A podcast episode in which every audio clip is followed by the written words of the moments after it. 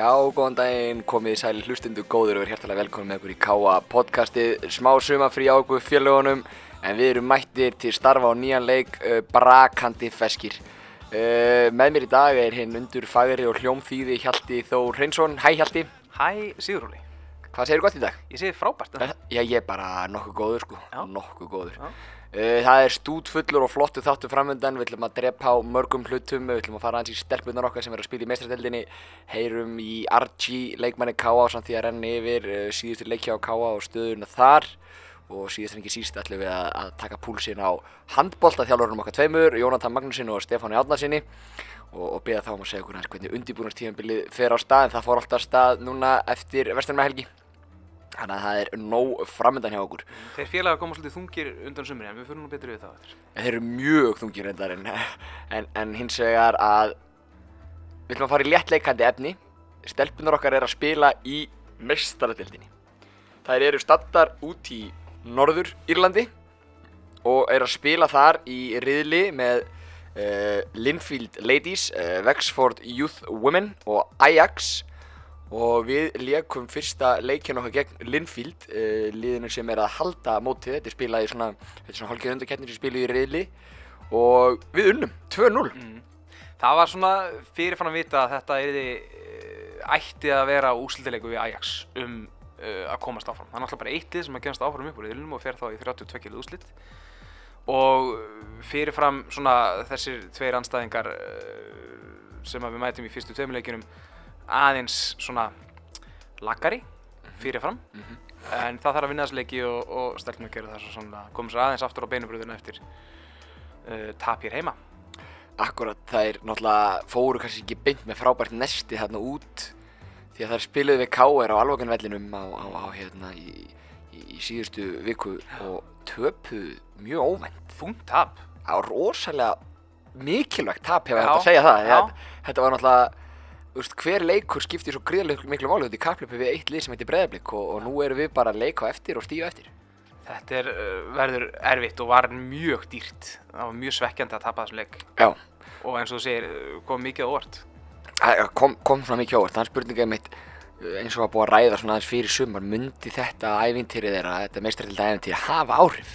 Já, þetta var náttúrulega samt sko síðasti leikur fyrir þetta. Maður hefði nú kannski frekar haldið að þær kæmu heim núna pínu þreytar, þrý leikir á viku eða eitthvað slags og, og ferðalag og allt það og svona kannski hausin aðeins annar staðar en, en mögulega hafði hausin áhrif, maður veit það ekki en, en að, ef maður er alltaf að reyna að kenna einhverjum þá er kannski hægt að kenna þessum. Er ekki best að gera það? ég held það sko.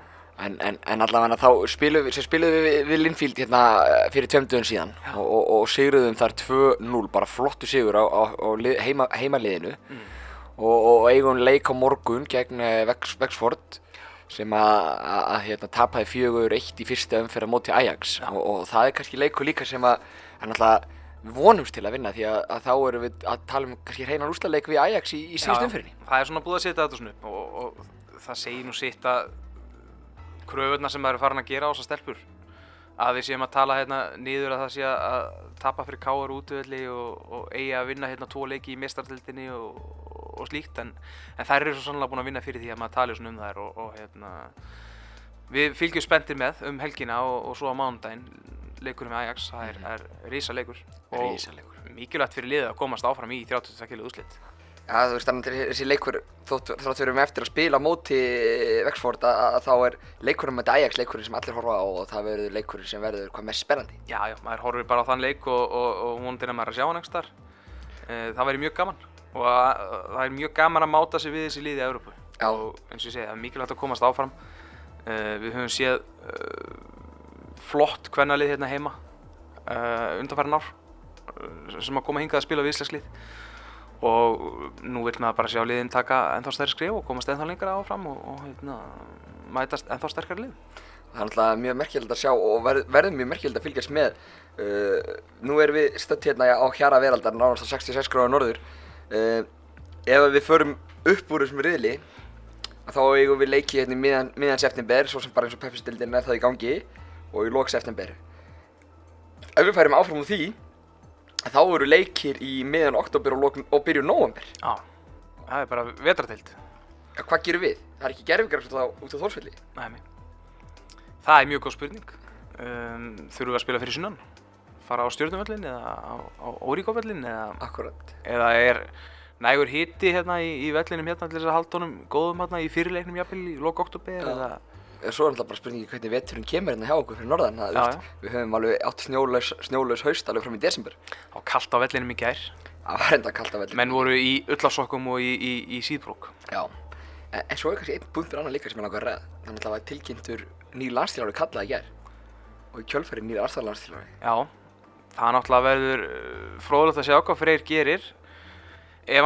á HM á HM Mm -hmm. og hættir svo. Já. Ef hann kemur liðin ekki á HM þá hættir hann bara strax held ég og þá tekur vantarlega nýr, nýr landslýsálfur við og þá verður einmitt mjög gafan að sjá hvað gerir KSI í, í þjálfarraðningunni. Efsta nafn á blæði fyrir mína parta, ef á ekki að leita út fyrir landstæðinuna, er Haldur Jón Sigur. Já, það er svo leis. Það, það er minn kostur. Já, það er mjög aðeinsvært. Já. Elisabeth Gunnarsdóttir. Já, já, þú veist, jú, jú. Hún kannski er samt eitthvað sem heitir að leita út fyrir landstæðinuna, hún náttúrulega er ekki hér. Já, kannski. En, en- Donni náttúrulega, hann lítur að vera á lista, einhverju shortlista hjá KSI yfir, Já, er fullt starf að vera landslýsálfur í hvernig? já, ég veit ekki, þú og Freyr ekki við? Freyr hefur ekki verið uh, í fullu starfi þar, hann er náttúrulega verið að, njósna líka fyrir kallalandsliði, Mhm. hann hefur verið í fullu starfi á KSI en ekki, ekki 100% með þetta sko, það er spurning hvort að hvort að KSI vilji fá þjálfari 100% starf Mhm, eða, mhm. eða hvort að þeir vilji leifa þó að vera með félagsli líka eða hvað, þannig að það er rétt að það verður mjög spennandi skref uh, þegar Freyr hættir Já. og náttúrulega við þurfum aðeins að tala um kvennalansliði þegar nær dregur stórleiknum gegn Þýskalandi núna í, í september. þar sem við höfum vonandi nokkra fulltrúa í, í því lið. Heldur betur, heldur betur. En, en þá kannski aðeins að, að, að strákonum uh, uh, frá því að við vorum innan síðasti Káa búin að spila uh, þrjá leiki og við höfum fengið mismunandi úrslutur með öllum. Við sigruðum, gjör sigruðum fylki hérna heimavelli. Töpum gegn IBVF og útivelli og gerum jætteflu við FH í gær. Við ætlum kannski að miklu púðri í að ræða fylki og það er svo sem langt um liðið síðan þeir leik, leiki voru spilaðir allavega á stuttu hópoltasumri. En það er kannski leikurinn í gær á móti FH sem að mínum mati var frábærlega uppsettur á túfa. Já, það var allir að sjá Túfa fara bara í 4-4-2. Já, og Eh. háa pressu Já, og, og, og, og, greinilegt upplegg að leifa Gunnari ekki að spila út frá marki. akkurat. Uh, það var allt, þú veist, við pressuðum Eddie og Renassi og Clark miðverðina hefði mjög hátt og, og þeir lendi í bölvum við vandræðum, þeir sköpuðu sér. Það var reyndar uh, ein, uh, já, eitt færi, virkilega gott færi sem ég man eftir sem FH skapaði sér Mm. og markiði síðan bara skot fyrir þann deg. Já. Og því lík breyting frá því fyrir leiknum í krigan. Já, ég held að þetta hafi verið besti varnarleikurinn okkar í sumar. Uh, og við gerum það notabenni án þess að vera með Kristján Martínis í markinu. Mm -hmm. Engin Hallgrimur Jónusson og engin Guðmund Þórusson. Já. Sem að er, sýnir svolítið kannski styrkin þarna að við virkilega getum þetta. Við sjáum í leiknum á móti IBVF slæm, virkilega slæm mistök Já. í mörkunum sem við erum að fá á okkur. Mhm. Og uh, það er bara kúvending frá þeim leik, varnarleikurinn. Auðvitað fá á okkur þetta mark í lokin og það var eftir mistök hins vegar. Já, já, Og þessi mistök er að reynast okkur alveg rosalega dýr. já, já. Það, Ég vil kalla þetta mistök þó þetta, eða einbyttingaleysi eða eitthvað, sama hvað þú vilt kalla það, maður á að reyna að le- leysa þetta betur hérna og þetta er alveg stór hættulegu staður til að vera með lausan bolta. Já, já, ég skal alveg vera sammála því en það er ekki allir, ég held að séu ekki nema kannski svona 10-12 leikminni sem er deild sem að hitta þarna úr þessu færi Þetta er frábærlega klárað. Já. Honum, brand. já, færi einum já. Já. Þannig að, að, að þú veist, hann hefði mátt detta fyrir Davíð Þó Viðarsson hann. Já, já. Hann Það er dundráður með eitthvað inn að 80 fær Já, sko. já. En þarna er, bara brandur að sína gæðin, Mm. sín, sem hann hefur uh, sínt oft í sumar. Já, já. frábær leikmaður en svona heilt yfir uh, svona shapeið ef, svo maður segja á liðinu rosalega gott Já, það voru svona líkilatri í þessum leik eru, eru svona fyrir utan mörkin eru kannski tvö já, annars vegar þegar að Aron Eli Gíslason ver alveg frábæla frá Jakobi hinnum færingnum hérna frábæð markasla Geggjum ég er búinn að sjá hann aftur núna í, í sjómarspinu og hún er virkilega góð. Ég eh, fór aðeins fram mér og kallaði hana eina bestu markvæslu sumarsins reyndar í stúkunni ger, það var nú skotið niður en mér fannst hún geggjuð og að Aron Eili skildi hérna spila svona frábæran leik í gær er mjög jákvætt. Já. hann var, hann var rosalega rólegur, yfirveður hann var mikil talandi í honum. ekkert stress og bara uh, frábær samskipti við uh, liðið. Mhm. og og bara frábær leikur hjá honum. Sammála því og hérna bara full credit til hans að stígu upp þegar liðið þarf á hann að halda. Já, og hérna uh, annar leikmaður sem að er búinn að vera frábær í sumar uh, Bjarni Mark Antonsson. Já. En þa þannig ég fá að klára að því að ég fór úr einu í annað þarna Já, þetta með- sjálfur, með hitt- hitt lykilatriði. atriðið er þegar að Ásgeir er einn á móti Gunnari og, og lætur verja frá sér. Það er Daniel. Já, Daniel fyrir ekki, hann hefði náttúrulega klára leikinn. Ja, þetta var bara mínúti eftir að við komumst í 1-0 Já. eða 1,5 eða eitthvað. Já. og, og frábær samspil. Hann náttúrulega berur boltan Já, ég var hann að túfa kemur sér hlaup utavert Já. Og, og hérna bara döðafæri Já. og, og, og Danni veit örgulega best sjálfur hann að gera betur en, algjörlega. en Danni býr þetta færi til og Al- Danni og var frábær í gær. Alveg frábær. Já. Hann og Bjarni voru frábærar á miðinni og mér fannst FH bara ekki komast neitt áfram. Ég ætla ekki að fara í, í það að tala að FH hafi verið rosalega lélegt. Mér fannst bara Káa frábært. Já, Davíð Þór Viðarsson uh, gerði hvað hann gat til þess að stýra spilinu hann á miðinni Hann bara fann eiginlega ekki neitt.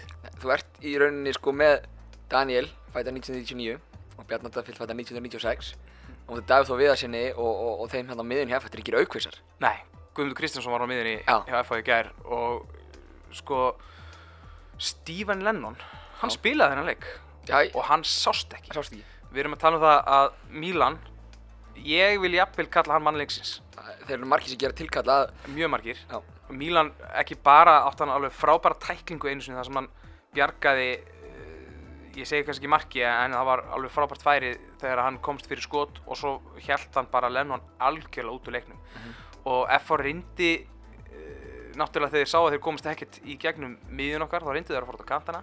Það gekk ekkert að fara upp í gegnum Milan. Hann var alveg virkilega uh, öflugur. Allir Guðnarsson átti lítið á mútið hrannari. Já, uh, þeir komst aðeins meira í gegnum hrannar. Já, Hrannar ekkert, uh, átti ekkert slæma leik eða neitt svoleiðis.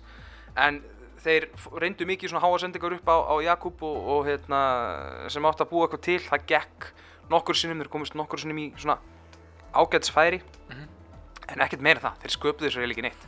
Og ég held að Túfa hafi örgulega viljað að leikurum myndi spilast svona já, og svo er vitamál að FH hefur átt í miklu vandræðum í förstum leikandriðum í sumar. Þeir hafa fengið mjög mörg, mörg á sig. Mhm. Túfa hefur hort á það og treyst á það að fá eitt skallamark frá einhverjum. Já.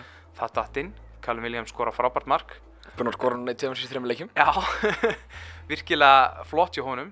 Allt okkar að þakka þegar hann kom inn í viðtal. Já, já, og eftir þetta mark þá náttúrulega bara reynum við að drepa leikin eins og við gátum. Það var augljóst að, að, við reyndum að pyrra F-fangana uh, lágum í, í grasinu þannig að þrísasunum á einhverjum 7-8 mínútum eftir markið. Reynum bara að drepa leikin og eðlilega.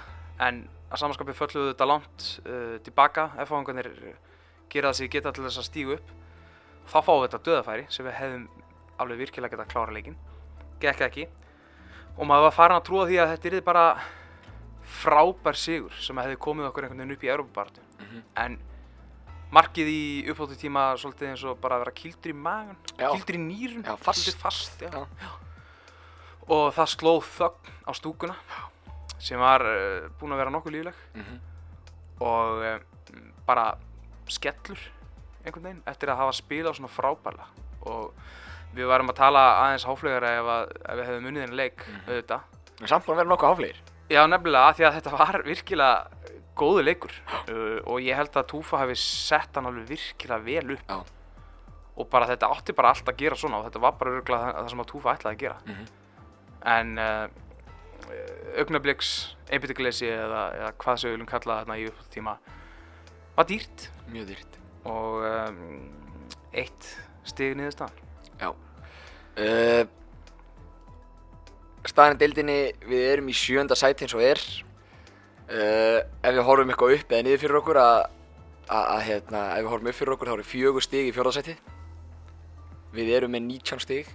Grindavík, FA og K eru öll með 23 stig í fjórða til sjötta sæti. Mm.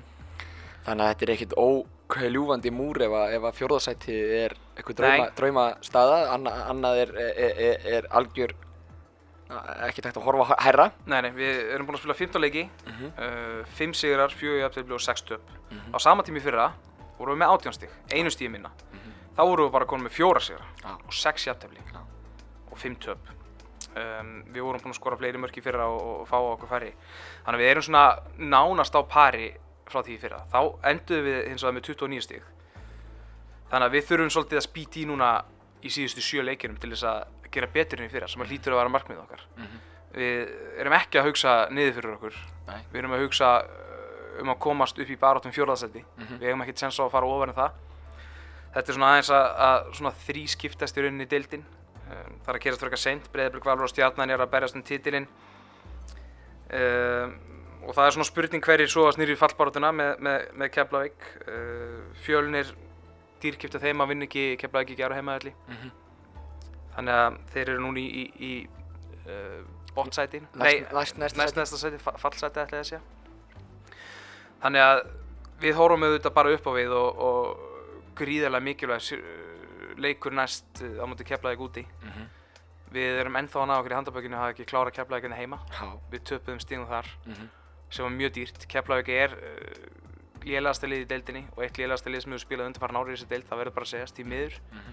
ég kann virkilega vel í Keflavík og, og, og á nokkra góða vinni þar og, og ég veit að þú átt það líka Já, já.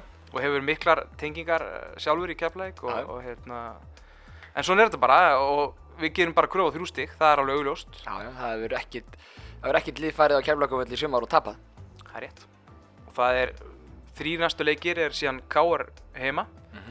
Sem er svona kannski svipað FH Já. bara s- sami leikur FH í rauninni Mhm. svona stórveldi sem er ekki alveg að gera eh, nógu gott mót og, og, og heimavöllur og, og, klár séns á, á góðum úslutum og svo er annar risaleikur á móti Víking Mhm. Já. eftir það og þetta er allt náttúrulega risaleikir ef, ef svo maður segja og, og ég held að við þurfum að gera kröðu sjösti úr þessum leikjum Það er sammála og, og, og, og 7 stig úr þeim leikjum, þá það myndi flytta okkur upp í, upp í 26 stig. Já. Uh, og, þá, og þá, hins, þá hefur við nóg inni til þess að, að, að bæta í sarpinn fyrir uh, lokinn og, og hérna, til þess að bæta okkur. Við, þurf, við viljum sjá liðið fara yfir 30 stíði sumar. Já. Það er flott uh, markmið. Uh, í fyrra voru fjórða og fymta settum með 31 stík. Mhm. Þannig að þú sér það að 31 stík geti skilað okkur upp í, upp í fjórða seti mögulega Mhm. og þó, maður veit það ekki, en, en, en það var þannig í fyrra og fjórðarsætti gefur möguleika að Europasætti núna já. eftir því hvernig byggarnir spilast. Já. Og þar viljum við vera. Akkurat. Uh, við ætlum að fá til okkar Archie Kumu, uh, leikmann Káa, hann er búinn að vera þetta hjá okkur í, í, í fjögur ár.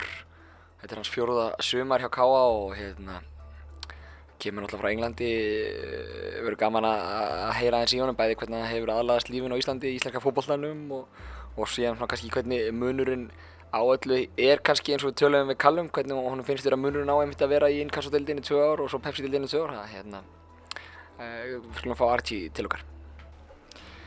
Já, velkomin Archie. Thanks for having me. Thanks for having me. So how are you today? I'm good. Just woke up early, started for work, and getting prepared for training this afternoon. How is it after a game like yesterday when we got a concede a goal in the additional time? H- how is it to lay down in bed, going to sleep? What what goes through your, thr- through your mind? It was a difficult situation. I mean, the position that we are in the table, three points would have done us really good. Would have given us some breathing space, and we played so well. You know, we defended well. We were tight. The two banks of four were very like uh, rigid, and you know it was hard to break through. And you know, it was just one one uh, incident at the end, and it was so unfortunate. You know, Mhm. every every everyone played well. Everybody did their part. It was just so unfortunate that we conceded a goal in the last minute. Uh, we were talking about earlier that we played. I think if Tufa wished for a game to play, Mm, that was the game. yeah, It, it played just like Tufa wanted it to play. yeah. I mean, they got loads. They got great technical players in midfield and all over the pitch, and we done exactly what we did to frustrate them. And I think the stats showed. Um, um, like in chances created, they didn't create that many chances, and we probably had the better of the chances during the game. And um, but that's just football. We just have to get on with it. It's, it's, uh, it's been like that the whole season. I mean, we've had some unlucky situations, but it's about togetherness and unity at this moment. We have to stick together and fight for each other in these times. What was uh, Tufa's plan before the game to stop uh? It was just the two banks of four was the main, so the defense and the and the um, midfield was the main um, it, um, ish, issue. And as long as we're tight and we don't give them space in behind, and in between the defense and the midfield. Mhm. We knew that we would stop their their attacks, and if we're hard to penetrate, no, like we've proven so many times when we're hard to penetrate, loads of teams find it difficult to break us down, and I think it showed during the 90 minutes. Was just the last, the last second when we're really tired, and then they Mhm. got the goal. Yeah. And, and, and next game Sunday, it's gonna be a totally different game. Yeah, it's going to be a totally different game away from home. We haven't been great this season, uh, but it's a game that we must win, you know. And um, this is where we have to show like we have to show unity and togetherness, like two for preachers all the time, and we have to go out there and do get the result. That, that's that's all we can do. We played against them home pitch uh, earlier this summer. Yeah. Didn't score. Mm. Uh, do you think that sits in the back of our minds? We didn't score against them, or we, we have to forget about any, everything that's gone past. Yeah. Like forget about the FL game has gone past now. We just have to move forward and focus on this game. It's a must-win game, and like I said, um, we just have to go out there and win. Forget about our record away. Forget about this, uh, the game against FL, and just try and win this game. Get the three points. Do you Most think it- thing. Do you think it suits us to be considered the likelier uh, team to win beforehand and uh, considered as the team who is supposed to control the game and, and should try to score against a team that's probably going to sit back? one thing I've I've got I've understood from um, Icelandic football is unpredictability. It, it, it doesn't it doesn't matter who's the, the better team or better team on paper or who's gonna keep the ball.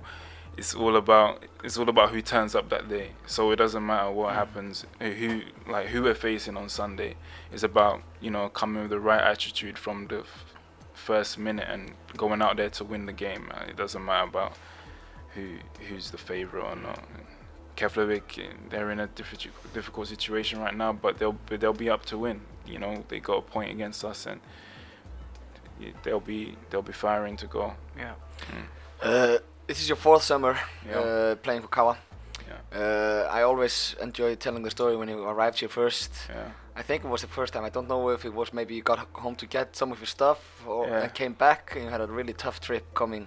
Oh Back to yeah, Accra, do you yeah, remember? yeah, yeah, the five-hour trip and it Yeah. was like a blizzard. Yeah. It was everything you get in winter, hailstone, just everything. Yeah. It was horrible. You come from come from the UK and Yeah. landing in Iceland, you land in Keflavik, a hellhole of uh, where the weather is Yeah. always.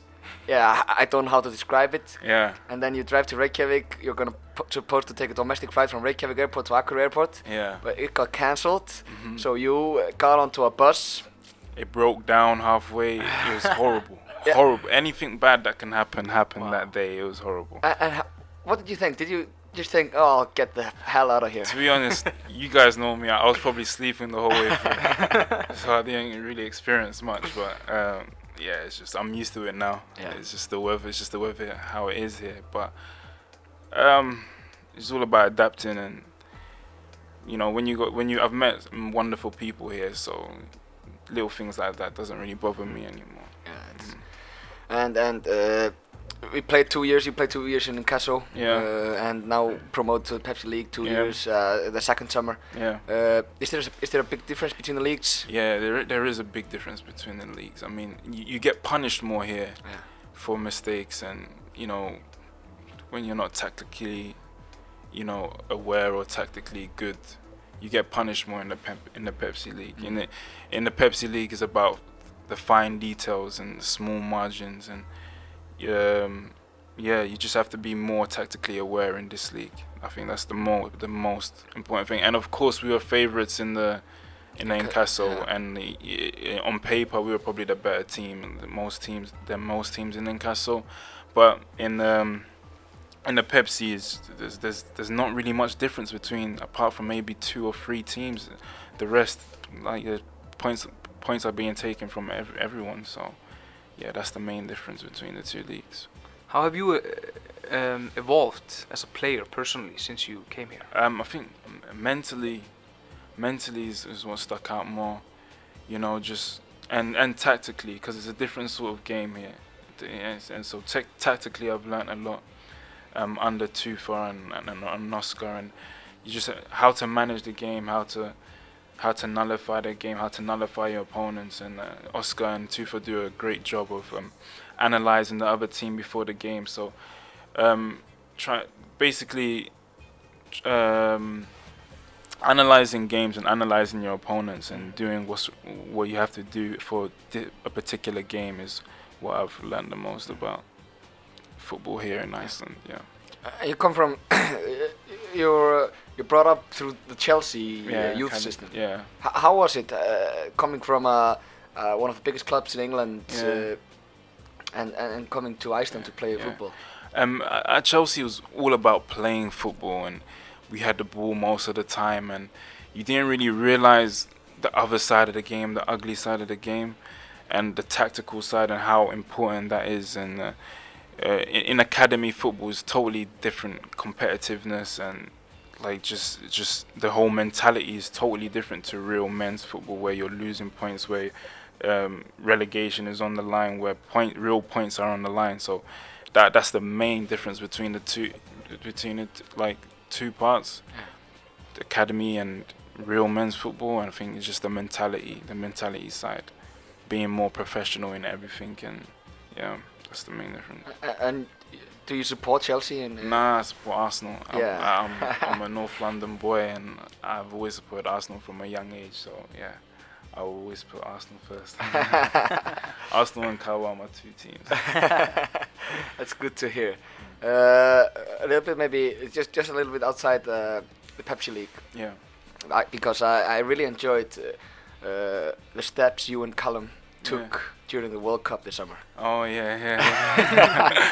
I, I, I, I have to ask you the same. Uh, Callum told me uh, Yeah. the day before the semi-final game yeah, that it was the biggest game of his life, yeah. and he yeah. wasn't even participating. Yeah, yeah. Was it the same for you? It, it, it was huge. Yeah. It was huge. Uh, I, like we were so excited, and just me and Callum. Just we've never seen England in the semi-final World Cup. We've never seen England. I don't think I've seen. Okay, maybe 2002. I think they got to the quarterfinals. So it was exciting times, and I, I remember thinking, um, imagine if England go to the final and we're here in Iceland, just me and you, Cal. And, but like it was a great experience and it's just always good when your country is like doing well in the World Cup. Yeah. So yeah, it, it was unfortunate that I had to end the way it did, but we enjoyed it. We enjoyed it. There- are some other uh, Engl- English, uh, English, or British players playing in the Pepsi League and in Casso. Are you in contact with them, or do you, or No. just just meet and greet when you play against Yeah, we just meet and greet. I, I, don't think I'm in contact with any. Yeah, but we just but um yeah, I'm not really in contact with anyone. No, no. Uh, what about the social side of uh, the football here? Uh, you know, we have the N1 tournament when you're, when you're refereeing. And, Yeah. uh, how is that? Uh, do you do you enjoy it? Do you, or, or is it just a part of work? Um, uh, no, no, I really do enjoy it. I mean, you get to see some good talent. Yeah. uh, Good. To, I remember like the last few years, um, actually refereeing games, but actually watching the talent and then actually getting entertained by some of the football being played. There's some talented, talented boys here, and uh, I think the future's bright in Icelandic football, and it's getting more popular, and especially because the national team is doing so well and kids are starting from a younger age now. So yeah, like I actually did really enjoy the Yeah. N1 tournaments, and it's a it's a time that I look forward to when when I'm here. Uh, last question. Mm. Uh, what do you think our potentials are for the rest of the season? We have like uh, Seven games seven left. games, Seven games left. There are 21 Yeah. points in uh, to be to be gathered, but yeah, tough games. tough games and. Um, Are you just taking one game at a time? yeah, The one game at a time. yeah, I know it sounds cliche, but yeah, that's that's what you have to do, and that's what you have to do in this league. You never know what's gonna happen, and we just focus on Keflavik right now, and we'll take it from there. I think that's the best thing to do. What's your personal future look like? Do you plan to stay here for a number of years? Are you Um, gonna go back to England or thinking about something else? Maybe? Yeah, this is my um, last year in the contract, but we're gonna, s- we'll, but we haven't talked. I haven't talked with anyone yet, but I've enjoyed my time here, and I and I do like it here. So we'll see what happens. Mhm. We'll see what happens. It's a great club, and um, they they've got good ambitions, and uh, best thing best thing I love about Iceland is the people in Kawa. To be honest, like from everyone, like the coaches, the staff, and just everyone, and yeah, I really enjoyed it here. Archie, thank you for coming to the podcast. Yeah, thank you. Já, Archie skemmtileg viðmælandi ljúfur strákur og einstaklega mikið geðablóð. Já, vel liðin hérna innan, innan félagsins. Já, já, klárlega og hann er bara, eins og ég segi, hann er bara fyrir ekki að væntum hann eftir þessi, eftir þessi þrjú og hálft ár sem hann er búin að vera þetta. Heldur betur. Uh, en við ætlum að taka okkur pásar á fótbolltunum um bili, nú er handbóltinn, nú styttist í handbóltatímabilið hjá Káa og Káa Þór og hérna uh, undirbúinstímabilið er farið á stað af fullum krafti, ég veit að liðin eru undir búin að vera duglega æfi sumar en, en, en hérna og yngri lokkaðingar er að hefjast og það er alltaf að fara á stað, það er hérna Þetta er sennilega svo tími sem mest að gera hjá félaginu þegar handbóltinn er, er í gangi, er að byrja og fótbóltinn er ennþá í gangi og svo öfugt á vorin þegar fótbóltinn er að byrja og handbóltinn er að klára. Það er mikið að gera og mikið líf en við ætlum að fá þá til okkar uh, Jónatan uh, Magnússon og Stefán Rún Radnarsson þjálfara Káa og Káa Þór. Já, það er bölvað að gestagangur hjá okkur í Átnarstofu í dag og hjá okkur sestir tveir uh, góði menn, Jónatan Magnússon og Stefán Rún Radnarsson þjálfarar uh, Káa og Káa Þór og, og þeir eiga það einnig sammeilegt að vera yngjurlokka þjálfari hjá félaginu, annar yfir þjálfari og hinn svona afreiks þjálfari. Strákar, velkomnir. Takk fyrir það. Fyrir Aðeins að byrja á, á meistaraflokkunum. Hvaða skilaboð fá leikmenn fyrir sumafrí hjá, hjá meistaraflokkunum og hvernig lítur sumarið út hjá leikmenn? Hvor á að byrja Jóni? Ég skal byrja. Stelpurnar mínar fengur eðlilega frí núna. Þetta er náttúrulega búið að vera mjög langt undirbúinastífil. Síðusti leikur í okkur var líklega 16. mars. Þannig að við æfðum nú nokkuð vel fram að sumri. Svo fengu þær sér, fengu frí núna í fjóra vikur. En fengu sem sagt prógram fyrir okkur sem að þær eru búin að fara eftir og, og hérna og við rauninni byrjum svo aftur uh, æfingar eftir sérst, rétt fyrir Vestlumannhelgina þannig að er svo sérst, já, það er sem voru duglegastar að fara eftir, eftir plani eru flottar og svo eru aðra sem að eiga eftir að komast aðeins í betur stand þannig að það er bara eins og, eins og það er Já, hjá okkur var þetta bara þannig að við náttúrulega tókum okkur smá hlýja hérna þegar við vorum búin að tryggja okkur sæti í ólistildinni en, en það var ekki langt og við höfum svona nánast æft og óslitið sí, síðan þá. Tókum okkur aðeins hlýja hérna fyrir Vestlunum helgi og erum að fara aftur í gang núna. Eh, Það þurfti svo, þurfti svo sem lítið að segja í rauninni við, við strákana. Það voru allir hrikalega mótiveraði fyrir, fyrir því verkefni sem er í gangi og hafa í rauninni verið alveg frá byrjun. Að, eh, Það er rauninni þurfti ekkit að, að- predika neitt, menn mættu bara klárir og eru búin að æfa alveg og, alveg og brjálæðingar. Byrjuðu náttúrulega mikið í, í, í styrknum og hérna erum búin að vera í, í því hjá allir upp upp, upp í treyning. Og síðan þegar leið svona á júli við verið að fara að hlaupa og menn hafa svona síðan þetta kannski aðeins tekið svona æft svolítið sjálfur síðustu vikurnar og, og, og svona með við hvernig við komum út núna í, í, í þessari viku í hlaupatesti og svona, þá erum við bara á ágættum stað og, og við erum bara hrikalega spennti fyrir, fyrir þessum ágústmánuði og fara svona, svona í náttúrulega loka undirbúning fyrir ólistildina sem við erum búin að, við erum gífulega spennti fyrir. Já, þetta var sér stuttasvari á Stefa Já. uh, gerir þið kröfu á og fylgist þið með eitthvað á milli ára? Nú eru til dæmis Cooper-test og fleira í gangi og svona, eh, viljið þið sjá til dæmis miklu betri tölu núna, er það eitthvað að fylgjast með þessu eða er þetta bara svona eitt ár í einu? Við náttúrulega erum, við náttúrulega erum bara rétt að byrja en, en við mældum bæði í, hérna, í mæ og, og síðan aftur núna og, hérna, og, og, og það eru svona á flestu öllu stöðum mjög, mjög, góða tölur upp á við þannig að, sjálfsögur vil maður það og maður reynir svona að hafa hafa einhverja mælingar sem að getur borið, saman. Jonni er náttúrulega komin, komin lengra og, og, og, og lengra í, í þessum hlutum en, en við náttúrulega erum bara, rétt að byrja og erum konum með þetta verkefni bara núna á annað sumar, þannig að við erum svona nýgræðingar. Jonni, þú kannski... Já, ég meina, eins og segi það, eins og Steffi, það er aðeins öfugt. Ég er búinn að hafa svona svipan hóp lengur, þannig að þetta er unni þriðja, þriðja undirbúinstímbili hjá, hjá okkur og, og hérna, og þær hafa verið unni frá, frá því við byrjuðum mjög duglegar, þannig að ég hafði mjög litlar áhyggjur af þeim í, í, í sumar, þar sem þær voru búin að byggja upp mjög góðan grunn og, og hérna, þær sem fylgdust með, þeir sem fylgdust með okkur í fyrra í deildinni var það augljóst að, að þær voru sagt, hvað maður að segja, voru vel, voru góðu standi en, en, en við þurfum náttúrulega rauninni að, hvað sem segist, að takmarki núna er að, auka það bæta því að nú vorum við að fara að spila við miklu betri lið og, og, og, og þannig að við ætlum að vera, vera áfram það lið sem að, sem að er, er hérna, hleypu mikið og þess, þá krefst mikil, mikil hérna, undirbúinsvenni fyrir það og Þannig að ég myndi segja bara eins og núna staðan í þetta það að við séum bara á, á réttu róli með, með stelpunar. Er það alveg búið að menn mætir reynilega bara feitir eftir sögumfríða? Er, er það alveg búið? Já, ég held að er sé, það ég held að sé algjörlega liðin tíð og þessi svona frægu tveggja mánuða sumafrí eða hvað, hvað sé það nú var og, og menn ætti að redda sér sjálfur. Ég held að það sé alveg af og frá allan hjá, allan hjá okkur og Já, það, er, þegar- það er bara svona gamal, ga- gamaldags, núna eru, nú eru bara bæði þjálfarar og, og ekki minnst leikmenn miklu meðvitæri um, um líkanlega þáttin og það gildir ekki bara hér heldur almennt bara í, í, í handbóltanum í, í, í hérna á landinu að, að, og þessi löngu frí er ekki lengur svona löng þannig að hérna, Þetta er bara miklu, miklu fagleira bæði þjálfurum og, og, og eins leikmönnum eins og Jóni segir, le, leikmenn, leikmenn uh, þekkja þetta betur við vita meira um þetta þannig að, veist, þetta kemur, kemur oft bara me, meira frá þeim sjálfum að æfi, við sumarið og, og handbólt í dag er bara orðin í rauninni helsa á sport og það eru smá frí en, en á, á þeim stöðum eru leikmenn yfirleitt að, að gera eitthvað sjálfur.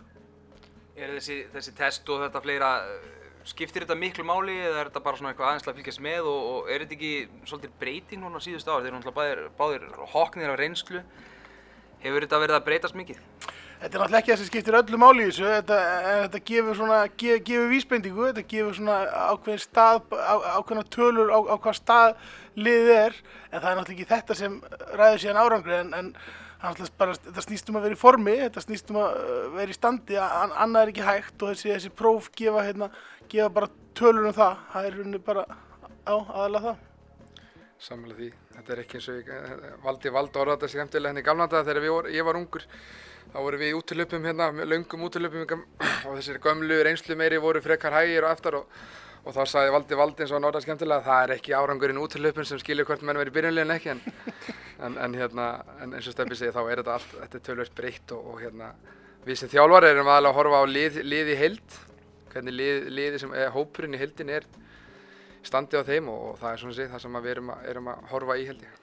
Það er rétt rúmur mánuður í mót og, og, og, framöndan rosalega skemmtilegu vettur í káheimilinu hjá bæði kalla og kvennaliðinu. Uh, hvernig leggið þið eh, síðasta mánuðin upp svona eins og hérna loka undirbúning þess að væntalega komin eftirvænting stelpunan búin að býða frá því 16. mars rákvæðinni triðir sér upp hann um mánaðamótin april-mæ en, en eftirvæntingin hjá klúbnum er bara mikil. Hvernig leggið þið upp?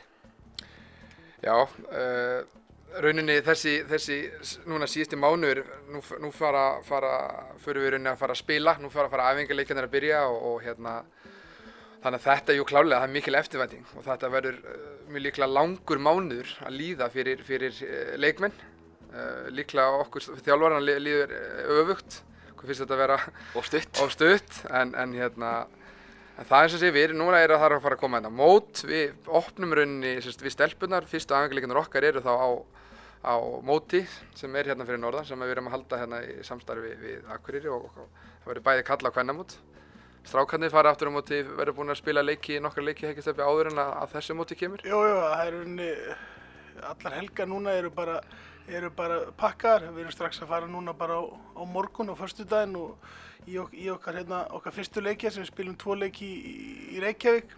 Við ætlum í æfingarferð á, hérna, á Húsavík og síðan er þetta að opna, opna mót hérna á, á, á Akureyri helgina hérna, hvað, 23. til 5. ágúst og síðan eru verkefni aftur helgin eftir það og síðan er bara deildin að byrja, þannig að Ég held svo sem að þetta sé mjög svona skemmtileg uh, tilbreyting fyrir leikmenn sem eru búin að vera að lifta og djöblast í allt sumar. Að, núna eru undirbúningunum svona orðin keppnis líkari og, og það er allir að vera hrikalega spenntir og, og bara við getum ekki beðið að fá að taka þátt í þessu og, og maður finnur svona eftirvæntingin að vera, verða meira og meiri þannig að ég held bara hver helgi núna sem líður og hvert verkefni og leikir og svona þetta mun bara hjálpa okkur í, í rétta átt og, og stilla okkur vel af. Jónni, þið ráðust ekki á garðan sem er lagstu þegar Ólisildin byrjar hérna helgina 15. september. Uh, þið fáðu stórlið vals í heimsókn. Hvernig lagstu þið? Já, það er hins orðað þetta skemmtilega. Þetta líklega er það lið sem að eh, mjög líklega flesti komið til með að spá Íslandsmeistara tilli. Það eru búin að bæta við sig landsliðstelpum og úlingarlandsliðstelpum og eru, eru mjög öflugar en, en það er bara, þú veist, mjög mikil challenge í okkur. Við fáum fullt káaheimili og, og, og hérna, mjög líklega og allt gengur upp og þetta verður, afar, afar aðtilslega leikur. Við hérna, já, við hlökkum til en það er margt, það er margt uh, hvað maður að segja, fram að því við þurfum að sjá hvernig staðan er og ég svara þessari spurningu kannski frekar í vikunni fyrir hvort að ég sé hrættur eða hvort ég sé, hvort ég sé bara klári í þetta en, en hérna en það eru mjög vel mannaðar og það eru afar aðtiklisverð fyrsti leikur hjá okkur og eins, eins náttúrulega leikurinn hjá fyrsti leikur í opnarleikurinn á strákonum. Þannig að þetta verður mjög skemmtilegt núna eftir fjóra-fimm vikur. Ég veit uh, undanferðin ára náttúrulega höfum við verið að spila þessari grilldeild og, og fengið mismunandi verkefni, mörg uh, auðveld, önnur svona stremnari en, en það er kannski byggar, þetta byggaræfintýri fyrra sem áhugaðandur liðsins horfa á. Þið voruð engir eftirmátar af þarna einu af toppliðum landsins í undanáttarleiknum. Þannig að og engin virðing og ekkert kæftað. Þetta er hérna, spiluð skemmtilega og, og, og svona, fólk tók svolítið eftir ykkur. Já, já, við, eins og segið, en málið er bara það að, að þetta raun er allt annað, allt annað game núna og hérna bæði það að liðin, liðin sem við erum að fara að spila núna er og segið, eru betri og, og liðin er eftir að kortleikja okkur en þetta verður segið, þetta verður mjög aðtiklisverð baráttu í okkur. Það er alveg ljóst að við förum ekki gegnum næsta tíðumbil tablust eins og við gerum í fyrra, það er eiginlega alveg alveg að fjár. Þannig að við verðum hérna núna bara, við þurfum koma til að berjast fyrir einhverjum eins og segið, gamla góða, berjast fyrir einhverjum einasta bolta og en það er klárt markmið hjá okkur í vetur að, hérna, að, sérst, við eigum innan heimavöll að verja og, og það verður, og ég veit það bara nú þegar að liðin, liðin sem er að koma norður, það er, það er erfitt, það er erfitt að koma norður og, og ég svona byðla svolítið bara til okkar stuðnismanna að, að halda þessu víi hérna okkar eh, láta standa og standundi nafni og það hefur verið erfitt að koma hingað og þess vegna er ég mjög ánæður að fá fyrsta leik heima og gegn góðu lið, það er bara mjög það heldur okkur hérna svona ákveðin gullrótt sem við sjáum að fáum hérna þessar stelpur sem eru hvað er búin að vera mest ábyrjandi núna í íslenskum bolta undanferðin ári eins og Lóisa Tomsson og fleiri að Manchester City Íslands. Já, Gústi, Gústi Jó, Jó vinnu minn vil meina það að hann sé bara búin að bara búin að hérna missa leikmenn og, og bæta við þeim sem er mistu en þetta verður afar aðtíklisvert og skemmtilegt. Stefán, uh, Garðurinn ykkur er ekkert læri og það er mjög, mjög aðtíðlisverður leikur strax í fyrstu umfyrð og ég held kannski að fólk sé ekki ennþá náttúrulega komið í handbóltagýrin og farið að skoða leikjaprogrammi en fyrsti, fyrsti leikur ólistelda Karla árið 2000, eh, veturinn 2018-19 er derbi slagurinn Káa Akureyri í Káaheimilinu. Þetta er, þetta er heldur betur áhugaverðsverkefni og þegar tö- töfluröðin kom á var þetta náttúrulega, vakti þetta alveg, alveg sérstaka, sérstaka aðdegli að hafa, ég held að það er alveg ljóst að, að hvaða leikur sem það er verið í, í Káa heimilinu núna í fyrsti leikur í ólisteildina, það er alltaf verið fullt hús en það að við hérna, mætum Akureyri, það er bara garanterað á það að Það verður tróðfullt hús og alveg, alveg hrikalega gaman og þetta er rauninni bara frábært fyrir okkur. að Við erum hérna ótrúlega bara, fyrst að þetta var niðurstaðan, þá bara, er það bara mjög spennandi. Að, hérna, það verður gaman að fá bara að byrja, byrja krafti og, og hérna, eins og ég segi, káafólk er búið að býða, býða frekar lengi eftir þessu og nú bara handbóltinn góðin aftur, efstu deildar handbólti hjá káa, aftur í káaheimilið og ég held að verði ekki hægt að byrja þetta betur. Þetta er náttúrulega, eins og við höfum sagt, gríðilega spennandi vetur framöndan, bæði liðin í, í, í deilt þeirra bestu. Jónatan, eh, sérstaklega kannski þú, og, en þó þið báðir, hvað gerir þetta með fyrir yngjörflokkastarfið? Eru þið bjart sínir á að það verði, að það munir til með stækkan og það er erfið barátta við fleiri heilsósýþróttir og, og fleira? Hvernig lítur veturinn út þar? Uh, já, uh, það kemur hjálpar okkur gríðilega í, í yngjörflokkastarfinu hérna hjá okkur hér hér Káa og, og Káa Þóra að hafa liðin uppi og það er hérna, maður fann það bara og sérstaklega ef ég te- tek fyrst uh, kvennaflokkanir, þá náttúrulega hérna, við höfum verið kannski aðeins færri, það eru færri ytkendur hjá stelpum heldur strákum hjá, og það hefur aukist núna, uh, hvað maður segja, stigmagnandi eftir árangri, árangri uh, kvennalýsins og, og við erum mjög uh, spennti fyrir vetrun hérna, við höfum verið að auka að maður kann segja ekki að reynd að gera starfið betra, við höfum verið að æfa lengur, við höfum verið að bæta inn í bæta inn í æfingum og afreiksæfingum og fleira þannig að sem að Stefán hefur verið að vera með okkur í. Þannig að þannig yngir flokkar starfið vonandi er þetta bara pepp fyrir það að, að, hérna, að vera að horfa núna upp og nú eru þrjú lið hérna í, í vetur sem hægt er að horfa á í efstu deild og horfa alla bestu í handbólta fólk landsins fyrir krakkana. Þannig að það er náttúrulega það gefur einhvern veginn auga leið að það, við viljum vera með liðin okkar mestarflokkana í efstu deild ekki minnst fyrir krakkana til þess að sjá. Og, og, og eins og sé, núna erum við með bæði hjá strákonum og stelpunum erum við með unga stelpur sem bara eru reynilega ennþá að spila í þriðja flokki og, sjá, þannig að þetta verður, já, við erum mjög spenntir og erum með þess að byrja þér núna með, með handbóltæðingar hjá þessum flokkum, þannig að rauninni erum við bara farin að stað. að þetta er, rétt, rétt, rétt hjá Jonna hérna, allir fyrra þá var nokkuð fjölgun hjá okkur og í á yðkendum og við vorum mjög ánægði með það og hérna við erum mjög vonguður um það að það geti bara haldið áfram að hérna við erum að reyna að vinna þetta eins vel og hægt er. Við erum að að gera þetta eins skemmtilega og, og hægt er. Að það er alltaf að koma fleiri og fleiri svona þjálfar inn í þetta og svona eins og Jonni segir, nú erum við byrjaðir að æfa. Við reynum að hafa sumaræðingar og, og, og alls konar verkinni, við reynum að hafa þetta svolítið spennandi og gaman. Og það að við séum koni með liði núna í erstu deild mun alveg, alveg klálega hjálpa. Og ég eiginlega, trú ekki öðrun að bara við séum á réttir, réttir leiðir eins og segið þá eru æfingarnar byrjaðar hjá uh, yngri flokkurum allan að flestum og það og maður sjá inn á heimasíðu káa æfingartöfluna og hvernig æfingar eru. Og svo náttúrulega eru uh, kannski uh, eru búin að eiga landslýsfólk víða í sumar. Við erum búin að eiga strákana Dag Gauta og, og Sigþór Gunnar sem fóru báðir að spiluði með landsliðinu Erlendis í sumar og stelpunar Ástís og Aldís og, og, og Rakelsar að fóru allar Erlendis líka að spila. Þannig að að yngreflokkastarfið okkar, það hlýtur að vera ákveðin viðkynningastimpil fyrir svona yngreflokkaþjálfar að sjá krökkum að ganga vel. klálega og það er hérna það er mjög gott fyrir okkur og það er gott fyrir eðlilega fyrir krakkana sem eru valdir og líka bara fyrir flokkan í heilsinni að, að sjá að við erum erum hann með krakka sem erum hérna, svona, hvað, fremst, fremst á landinu og, og við reynum að hlúa, hlúa vel að þeim og, og hérna en ekki það bara svona starfi í heilsinni er bara þannig. Við þurfum að við, þurfum að við höfum gegnum tíðina höfum við verið með krakka í landslið og svo hefur það svona farið kannski niður og við og svo er það núna klárlega uppleið núna aftur og, og, og hérna.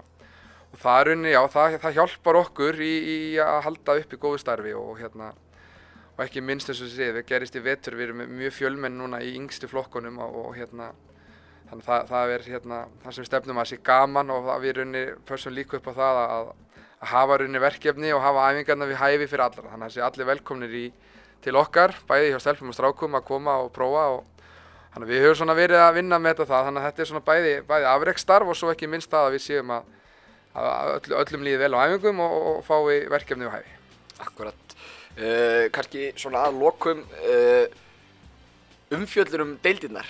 Ólís Karl og Kvenna hefur aukist til muna núna eftir að stöð 2 og eða 365 eða það sem heitir nú dag sín kom inn í þetta og uh, það er mikil umfjöllum. Hve, hvernig er það fyrir þjálfar að takast það? Það hlýtur að vera e- enn eitt uh, auka atrið sem þjálfar þarf að hugsa um bæði fyrir sjálfa sig og leikmenn hvernig þeirra framkomir á samfélagsmiðlum, hvernig þeirra framkomir bara, þú veist það er myndaður allstað, það, það sjá allt, uh, það er allt gripið upp sem að er sett fram á netinu, það fá hvergi gera mistök og þá er það komið í fjölmila. Hvernig, hvernig undibúa þjálfarar leikmenn og, og sjálfa sig fyrir eins og komandi umfjöllin í vettur? Það er náttúrulega, menn eru teknir að lífi fyrir mistök og menn eru hrósa í hástert þegar vel er gert. Ég, ef, ef ég fæði svara þessu svona fyrsta ég held að við séum nú þannig sem lítið að pæla í þessu. Við Jonni munum nú þá tíð þegar handbólti var, alltaf sjáanlegur í, í, í sjónvarpi og var lítil umfjöllun. Þannig að ég held að fyrst og fremst séum við bara glaðir að, að deildin, deildina séu meira spennandi að sé komi, komni þættir og umræðu þættir sem mikið um beinar útsendingar og sé svona miklu meiri stemming fyrir, fyrir handbóltanum Ég held að sé ótrúlega gaman að vera ungur handbóltamæður í dag. Ég held að sé miklu frekar að ég að líta þannig á þetta heldur en að vera óttast hitt eða þetta. Allir þessi símar og annað, þetta er bara, svona er þetta bara í dag og það verður bara, verður bara takast á við það. Við verðum bara að treysta því náttúrulega að menn bara séu frekar svona í, og, og eðlilegir í, því sem þeir gera það. En ég held bara, e- þetta er orðið svo, handbólt er bara spennandi aftur sko. Og, og það sem við erum að gert þarna með þessu þætti og annað þarna á stöð 2 sporta, þeir ána að rífa svolítið ham- handboltan upp og ég er svona samfærður um að, að það sé bara rétt að byrja. Núna í ár og, og, og næstu áru þá er þetta eftir að vera ennþá svona, ennþá skemmtilegra og ennþá áhugaverðara. Þannig að hérna, ég held að ég frekka bara lí, lí, líta svoleiðis á það og, og, og fagna, því þetta, að þetta sé raunin í dag.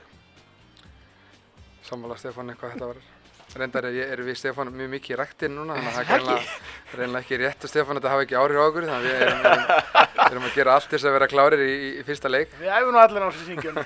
Þið hljótið að fyrir klippingu og, og jafnvel kíkja í stjörnusól ef að Þetta er- fyrir fyrsta leik. Þetta er, Túrbó tíma. Túrbót tíma. þetta er hérna eins og Stefán sér, þetta er mjög skemmtilegt og við eðlilega vonumst líka þá fyrir vikið að þeir sem er að fylgjast með handbóltanum akkurri, það er rauninni til að sjá hvað mest þá náttúrulega þurfa menn að vera með áskrift og hérna, ég er ekki á prósentum hjá sín en, en, en, en til þess að geta fylgst vel með þá þurfa maður að fylgjast með þessu vel og, og hérna, þannig að ég er mjög, mjög spenntur fyrir þessu og þetta er líka nýtt, eins og segi, fyrir bæði lið, hvað var það, sem mikið af krökkunum eða leikmönnum okkar er ungir og þeir hafa raun ekki, ekki mikið verið í sviðsljósinu og þetta er, þetta er ákveðin svona, já, þetta er ákveðin gulrót og þetta verður til þess að, verður til þess að, hérna, hvað maður að segja, ennþá meiri áhugi sem kemur, þannig að þetta er mjög okkvæmt. Maður sér líka með þess að allra yngstu, strákar í sjöttaflokki, þeir vaka eftir setnibilginu og heyrðu alveg tala þessi leikmaður og þessi eru fættir að þekkja meira og minna flesta leikmenn í, í deildina, þannig ég held að þetta sé líka hafa áhrif bara að að krakkarnir bara þarna fá þeir eitthvað, eitthvað skemmtilegt og eitthvað spennandi til að horfa. Það er bara svoleiðis, uh, strákar, ég ætla að fara að hleypa ykkur í rektina, eh, ekki veitir af. En Takk fyrir Sjóli. takk fyrir komuna í Káa podcastið og, og gangur áfram vel í ykkar undirbúningi. Takk fyrir það. Já, Jónatan og Stefán eru farnir í rektina, uh, eins og ég sagði að, að þá verður þeir mjög duglegir að æfa þar daglega en það verða þeir í sjónvarpinu vikulega og skjám landsmanna og, og, og hérna. Gefa leikmönnum ekkert eftir í æfingunum, strákar. Nei, það er bara svolítið, að vera fyrirmyndi fyrir sína leikmenn. Já, heldur betur. En uh, eins og þeir sögðu þá eru strákvæðir að fara suður um helgina og spila við HK á föstudaginn og FH á lögadaginn þannig að áhuga samir handbólta unnendur getur nú farið og kannski kíkt á einhverja æfingarleiki verður nú kannski ekki auðlýstir eða eitthvað svoleiðis en, en við mögum öruglega fylgja fregnir að því eftir helgi hvernig, hvernig gekk Já, og svo hittum við fyrir opna norðskamótið sem er hérna í setni mánunum og Já. þá förum við aðeins betur kannski við það hvenær og, og, og hvar maður sjá okkar menn. Já, um, nóg handbólta hérna helgina 2003 ætlum við að byrja þetta fram til hérna lögði 2005 það er að koma fjögulega sunnan, svo eru K.A. Kurri kalla megin og svo verða fjögur lík kvenna megin, K.A. Þór og K.A. Þór U og svo tvö lið sem koma á sunnan þannig að það verður fullt af handbólta og, og, og hvetjum alla til að koma og kíkja á það við tökum kannski betur umfyllum það þegar næri dregur uh, K.A. Keflag á sunnudaginn kl. 6 eða Keflag við K.A. réttar að sagt Já. á, á nettovellinum í, í Reykjanesbæ mikilvæg leikur, við verðum að vinna hann, eins og, eins og við höfum sagt hérna áður í þættin hann er ekki sýndur á, á stöðstöð sport þannig að við hvetjum alla káamenn sem eiga bíl að fara á leikinn. Rúletti brautinni fyrir sunna líka, það er uh, ekki langt að fara. nei, yngar stund að renna eftir brautinni. Kæta hann daglega sjálfur þegar ég bjóða það Heldur betur og svo er Káar heima 19. ágúst. já, og, og, og stelpundur okkar þær eru í eldlínu áfram úti. Það er leikur á morgun uh, og svo á mánudaginn. Og, og hérna við náttúrulega sendum þeim okkar allra bestu ströyma út Heldur betur þurfum að gera þetta vel upp uh, þegar þær koma heim. já, það er ekki spurning uh, ég, uh, Gústi bróðir og Hjalti Hreins þökkum kærlega fyrir okkur í Káa podcastinu í dag og heyrumst að viku liðinni